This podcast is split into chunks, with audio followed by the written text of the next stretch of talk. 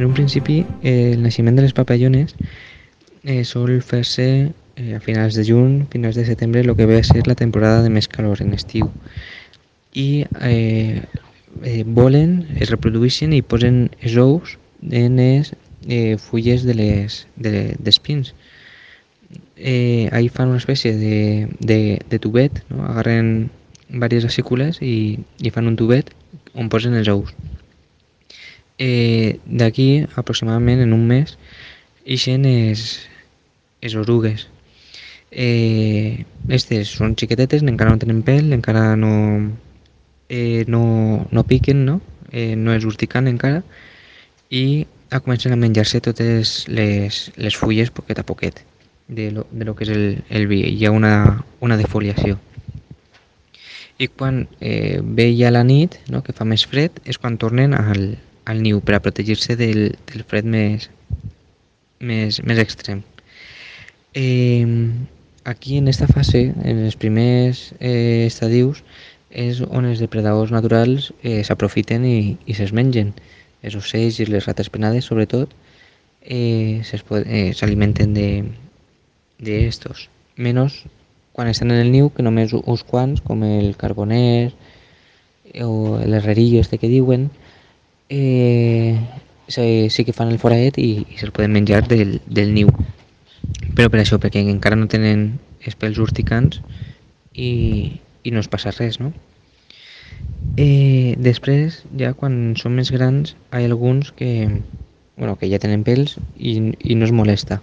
Crec que el apoput, per exemple, la bubilla, es pot menjar en, eh, en, en pèls i tot, no? Prefereixen altres insectes, però si, si no tenen més remei i poden menjar-se-los, se'ls se mengen. Eh, després, sobre febrer, març, finals de gener, no? és quan comencen a, a baixar des, d'espins, no? o bé per a muntar-se en altre, agarrar-me el menjar, o bé ja per enterrar-se.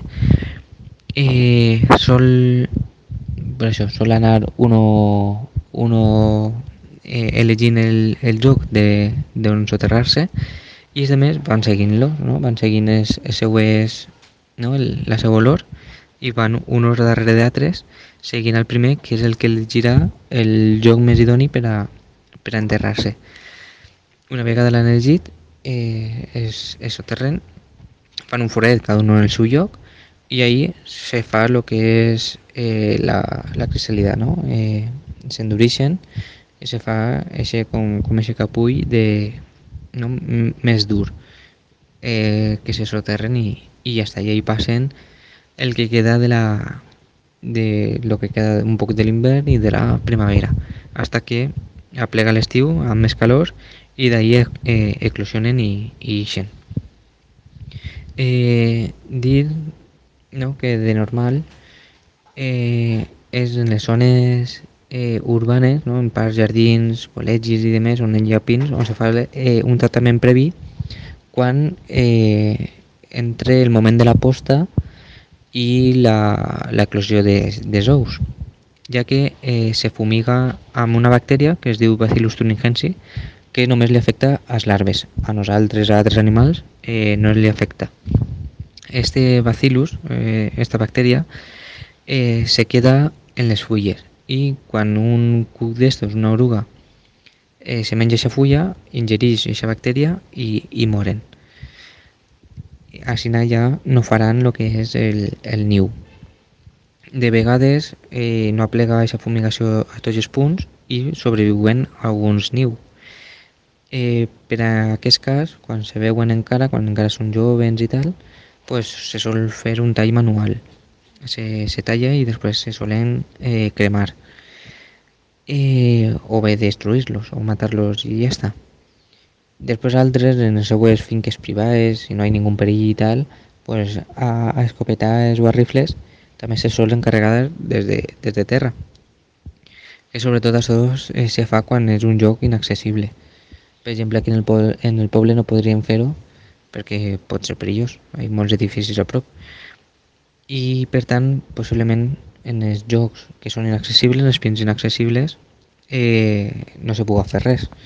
Un altre remei és una cinta adhesiva que se col·loca al voltant del tronc i quan van a baixar se queden adherits, però clar, s'adhereixen uns quants. La resta pues, sol passar per damunt de, des de més i apleguen a, a terra on està el perill de que algun animal se'l puga menjar o el puga xuplar i li feiga aquesta reacció que pot ser més perillosa en ells i hay que llevar-los en seguida al veterinari. Eh, però també li pot afectar als, als xiquets, perquè de normal també, encara que tu t'arrimis un poquet que no es toques, eh, estos cucs és possible que, que disparen esos pelés, ¿no? No una distància eh, gran, però sí que poden eh, disparar-los i te fa una xicoteta reacció eh, com si fossin un, unes ronxes i te piques, no? Són urticants.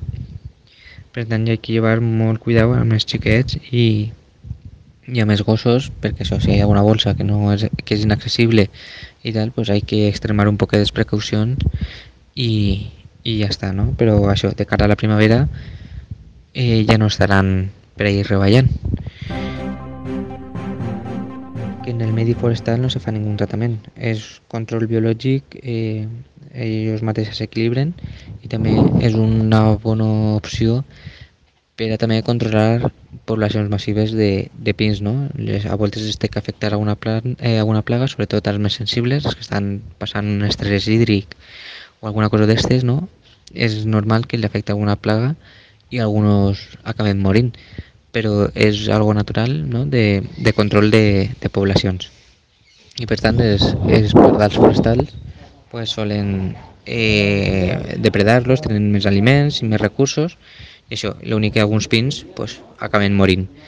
Aquí en el poble, encara que alguns puguen tindre estrès hídric, eh, és, al matar la, la processionària, pues, aquesta plaga ja no l'afecta i poden durar un poc més eh, els pins. No vol dir que en aquest estrès muiguen, sinó que al evitar la plaga pues, no li afecta tant.